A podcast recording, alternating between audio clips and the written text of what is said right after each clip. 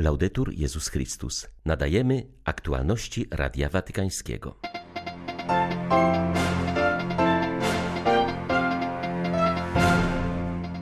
Duch światowości jest najgorszym złem, jakie może spotkać Kościół, powiedział papież Franciszek podczas spotkania z karmelitami bosymi w Watykanie. Ojciec Święty przyjął pierwszą grupę francuskich biskupów, którzy przybyli z wizytą ad limina. Zakończyły się ostatnie przygotowania do beatyfikacji kardynała Stefana Wyszyńskiego i matki Elżbiety Czackiej. Ich wspólne wyniesienie na ołtarze ma głębokie znaczenie, uważa siostra Radosława z Lasek. 11 września witają Państwa ksiądz Krzysztof Ołdakowski i Łukasz Sośniak. Zapraszamy na serwis informacyjny. Nowe normy w sprawowaniu przedsoborowej liturgii, rola biskupów w trakcie kampanii wyborczej, integracja migrantów, synodalność i wyzwania ekologiczne znalazły się w centrum papieskiego spotkania z pierwszą grupą francuskich biskupów, którzy przebywają w Rzymie z wizytą ad limina. Francja jest krajem, gdzie obecność katolickich tradycjonalistów jest dziś najbardziej dynamiczna, stąd jednym z głównych tematów poruszanych podczas rozmowy biskupów z papieżem były nowe normy, które ograniczają uprawnienia udzielone przez Benedykta XVI. Opowiadając dziennikarzom o swojej wizycie w Rzymie, biskupi zwrócili uwagę na przemiany, jakie zachodzą w samej formule wizyt ad limina mówi arcybiskup Robert Legal, metropolita Toulouse. Przypominam sobie moją pierwszą wizytę ad limina w 2004 roku. Każdy z nas mógł spotkać się z papieżem w cztery oczy. Jan Paweł II, dziś już święty, poświęcił mi wtedy 20 minut. Zadawałem mu pytania, on odpowiadał. Podczas kolejnej wizyty ad limina w 2012 roku Benedykt XVI przyjął naraz ośmiu biskupów z jednego regionu. Była to bardzo żywa dyskusja, która trwała około godziny. Teraz Franciszek przyjął nas w dużej grupie. Było nas 25. Papież poświęcił nam ponad dwie godziny. Był to prosty, a zarazem głęboki dialog. Było to bardzo piękne. Papież Franciszek skierował przesłanie do uczestników czternastej pielgrzymki rodzin. Zamiast jednego krajowego spotkania odbywa się aż 20 pielgrzymek, których celem są maryjne sanktuaria we wszystkich regionach Włoch oraz szwajcarskie Locarno. W tych czasach trudności i cierpień jesteście jasnym obliczem wiary, napisał Ojciec Święty. Papież podkreślił, że życie daje rodzinie wspólna modlitwa i odkrywanie Słowa Bożego, a także otwartość na pomoc najbardziej potrzebującym. Zaznaczył, że rodziny są najlepszym dowodem na to, iż szczęście nie rodzi się z konsumpcjonizmu i indywidualizmu, ale ze wspólnoty z innymi. Jednym z organizatorów pielgrzymki jest włoska odnowa w Duchu Świętym. W naszej modlitwie nie zapominamy o rodzinach, które obecnie najbardziej cierpią a więc o rodzinach afgańskich i tych, które dotknęła pandemia, mówi Salvatore Martinez, koordynator tej wspólnoty. Jedna z pięciu tajemnic różańca będzie poświęcona rodzinom cierpiącym prześladowania, niesprawiedliwość i ubóstwo. W czasie naszej modlitwy będziemy myśleć także o wszystkich rodzinach, które ucierpiały w wyniku pandemii. Problemu cierpienia nie da się rozwiązać jedynie za pomocą polityki gospodarczej i społecznej, ale wierzymy, że los rodzin leży w ręku Boga. Stąd waga i wartość modlitwy. Modlitwa czyni rodziny bardziej hojnymi i gościnnymi, bardziej zdolnymi do dźwigania ciężaru historii. Papież Franciszek spotkał się w Watykanie z karmelitami bosymi zgromadzonymi w Rzymie na kapitule generalnej. Wskazał, aby pamiętali o swoim kontemplacyjnym charyzmacie i wystrzegali się duchowej światowości. Światowość jest gorsza dla Kościoła niż to, co było za papieży, którzy mieli konkubiny, powiedział Franciszek, cytując słowa francuskiego teologa ojca Henriego de Lubaka. Duch światowości jest najgorszym złem, jakie może spotkać Kościół. Przeczytałem kiedyś te słowa w medytacjach o kościele ojca Delibaka. Mieszkałem jeszcze wówczas w Buenos Aires. Nie mogłem w to uwierzyć. Dręczyło mnie pytanie, czym dokładnie jest ta duchowa światowość. Z czasem zrozumiałem, że jest bardzo subtelna, wdziera się w nasze życie, a my zupełnie nie zdajemy sobie z niej sprawy. Delibak mówił nawet, że duch światowości jest gorszy dla Kościoła niż to, co było za papieży, którzy mieli konkubinę.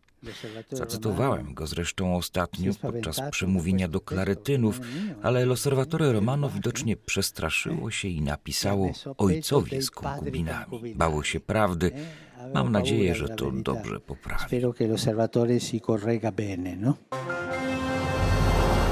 Na Węgrzech spotkałem wiarę, która nadal jest bardzo żywa. I to nie tylko u ludzi starszych. Wciąż jest tu wielu młodych, którzy mają wiarę. Dla mnie biskupa jest to bardzo pokrzepiające, wyznał kardynał Jean-Claude Hollerich, przewodniczący Komisji Episkopatów Unii Europejskiej Komese. Wskazał na znaczenie tego wydarzenia w kontekście pandemii, bo Kościół, jak przyznał, nie potrafił w sposób odpowiedni zareagować na ten kryzys. Za dużo jest w nas lęku, mówi kardynał Hollerich. Chrześcijanin nie musi się lękać. Jeśli zachoruje, nadal jestem w rękach Bożej miłości. Jeśli trafię do szpitala, miłość Boża jest ze mną. Jeśli umrę, wrócę do domu Ojca. Dlatego nie mamy się czego bać. Myślę, że to przesłanie musimy głosić z całą mocą, bo ludzie wciąż cierpią na skutek konsekwencji pandemii, a Europa stała się społeczeństwem konsumpcyjnym. Ludzie myślą, że mogą sobie kupić szczęście, a to nieprawda. Szczęście pochodzi z życia, z relacji. Tego nie da się kupić. Trzeba powrócić do prawdziwej relacji z Bogiem, który nas kocha w każdej chwili naszego życia. A ogni momento della nostra giornata.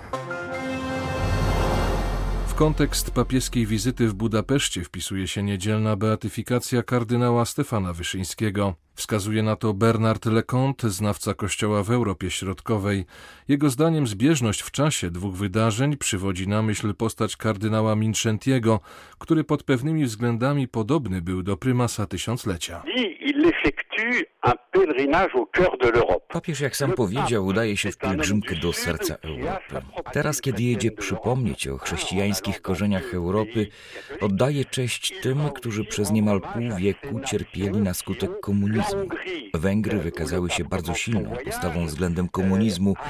Papież na pewno przywoła postać kardynała Mincentiego, wielkiego przeciwnika nazizmu, który potem schronił się przed Sowietami w amerykańskiej ambasadzie i pozostał uwięziony przez 15 lat. Wspominam o nim, bo Franciszek w tym samym czasie beatyfikuje kardynała Wyszyńskiego. Pomimo wszystkich różnic, w gruncie rzeczy ich droga była w pewnym sensie podobna. Ale po 56 roku Kościół na Węgrzech zbliżał się do komunizmu. Pamiętamy jednak, że Jan Paweł II ostro się sprzeciwiał tzw. Tak Ostpolitik, która w tym kraju miała doprowadzić do pojednania między Kościołem i komunistyczną władzą. Wszystko jest już przygotowane do jutrzejszej beatyfikacji kardynała Stefana Wyszyńskiego i matki Elżbiety Różyczackiej, której będzie przewodniczył prefekt Kongregacji Spraw Kanonizacyjnych, kardynał Marcello Semeraro. Kardynał Kazimierz Nycz zaprasza wszystkich do uczestnictwa duchowego w uroczystości poprzez transmisje telewizyjne, radiowe i internetowe. Wskazał również na wymowę jutrzejszego wydarzenia. Beatyfikacja z natury rzeczy jest wydarzeniem duchowym, religijnym, dotyczącym kościoła partykularnego, a więc przede wszystkim diecezji, z której błogosławiony jest beatyfikowany i pochodzi. Ta kardynała Wyszyńskiego, a poniekąd także Matki Czackiej, będzie beatyfikacją szerszą, ponaddiecezjalną, bo był prymasem Polski, jednak znaczącą postacią kościoła w Polsce. Czacka też z dziełem, które zostawiła, jest to dzieło ponadwarszawskie. Prymas Tysiąclecia i Matka Czacka znali się bardzo długo, bo od 1926 roku do jej śmierci, która nastąpiła w 1961 roku, mówi siostra Radosława z Lasek. Łączyła ich w czasie II wojny światowej współpraca w Laskach księdza profesora Wyszyńskiego jako kapelana i niewidomych, i sióstr, i również Armii Krajowej. Tamten czas ich bardzo połączył. Po e, II wojnie światowej zawsze zajeżdżał na spotkanie z Matką Zaską, kiedy miał jakieś trudniejszą decyzję do podjęcia. Dowodem tej łączności duchowej jest mowa pogrzebowa księdza kardynała, której zdaje świadectwo o jej świętości. 20. rocznicę zamachów terrorystycznych na Amerykę głos zabrali także ludzie Kościoła. Konieczne jest kultywowanie braterstwa przeciwko ideologii terroru, powiedział arcybiskup Paul Richard Gallagher, watykański sekretarz do spraw relacji z państwami. Specjalne oświadczenie wydał m.in. amerykański episkopat. Nasze serca są ze wszystkimi, którzy tego dnia stracili bliskich czytamy w komunikacie podpisanym przez arcybiskupa José Gomeza. Z kolei arcybiskup Nowego Jorku opowiedział, w jaki sposób dzień zamachu jest co roku upamiętniany przez mieszkańców tego miasta, mówi kardynał Timothy Dolan.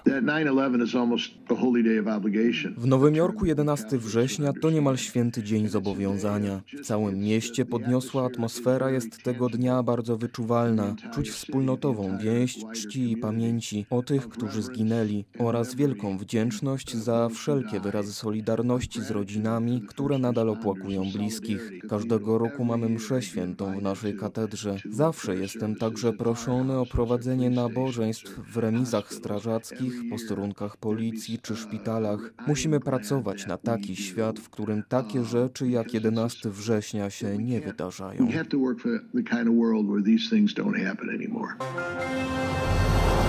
Na wyzwania związane z ewangelizacją miast zwrócono uwagę podczas zakończonego dziś w Łodzi szóstego Kongresu Nowej Ewangelizacji. Po omówieniu w czwartek zadań, jakie stoją w tej dziedzinie przed duchownymi, poszczególni prelegenci wskazywali specyfikę rzeczywistości miejskiej naznaczonej postępującą laicyzacją. Emerytowany arcybiskup Barcelony, kardynał Luis Martinez Sistach, podkreślił, że pomimo laicyzacji ludzie nie przestają być religijni, ale muszą znaleźć inny sposób wyrazu swojej religijności. Również prymas Polski, arcybiskup Wojciech Polak, podkreślił konieczność osobistego świadectwa i pokory, bez których nie może być ewangelizacji. Chcemy słuchać Ducha Świętego, który mówi teraz do nas kiedy idziemy ulicami także tego miasta, kiedy rozmawiamy z drugim człowiekiem, kiedy widzimy jego radość i smutki i dobrze dziś wyczuwamy, jak groźna jest obojętność i anonimowość. Mówiono także o roli sztuki. Aktor Adam Woronowicz wyznał, że dla niego teatr jest drogą powołania. Punktem przełomowym w moim życiu było doświadczenie Boga jako Boga żywego, oddania Mu swego życia. To było w liceum i z tego powodu jestem aktorem. Natomiast profesor Władysław Stróżewski podkreślił rolę wartości jako drogi ewangelizacji. Powinniśmy szukać punktów wspólnych nie w tym, co najbardziej powszechne i powierzchowne, tylko poprzez te wartości, które są wartościami najważniejszymi. Z Warszawy dla Radia Watykańskiego ojciec Stanisław Tasiemski, dominikanin. W oczekiwaniu na beatyfikację prymasa Wyszyńskiego. My widzimy, jakie znaczenie mają dla nas dzieje.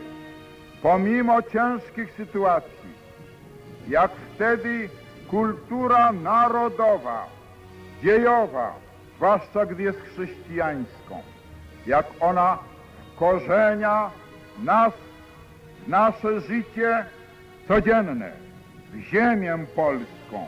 My jesteśmy milenijnym narodem, który wrósł w tę ziemię, daną praojcom naszym i my jej pilnujemy i my chcemy dla niej pracować, my chcemy żyć mową ojczystą.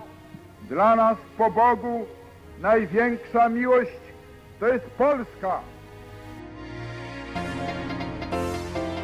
Były to aktualności Radia Watykańskiego. Laudetur Jezus Chrystus.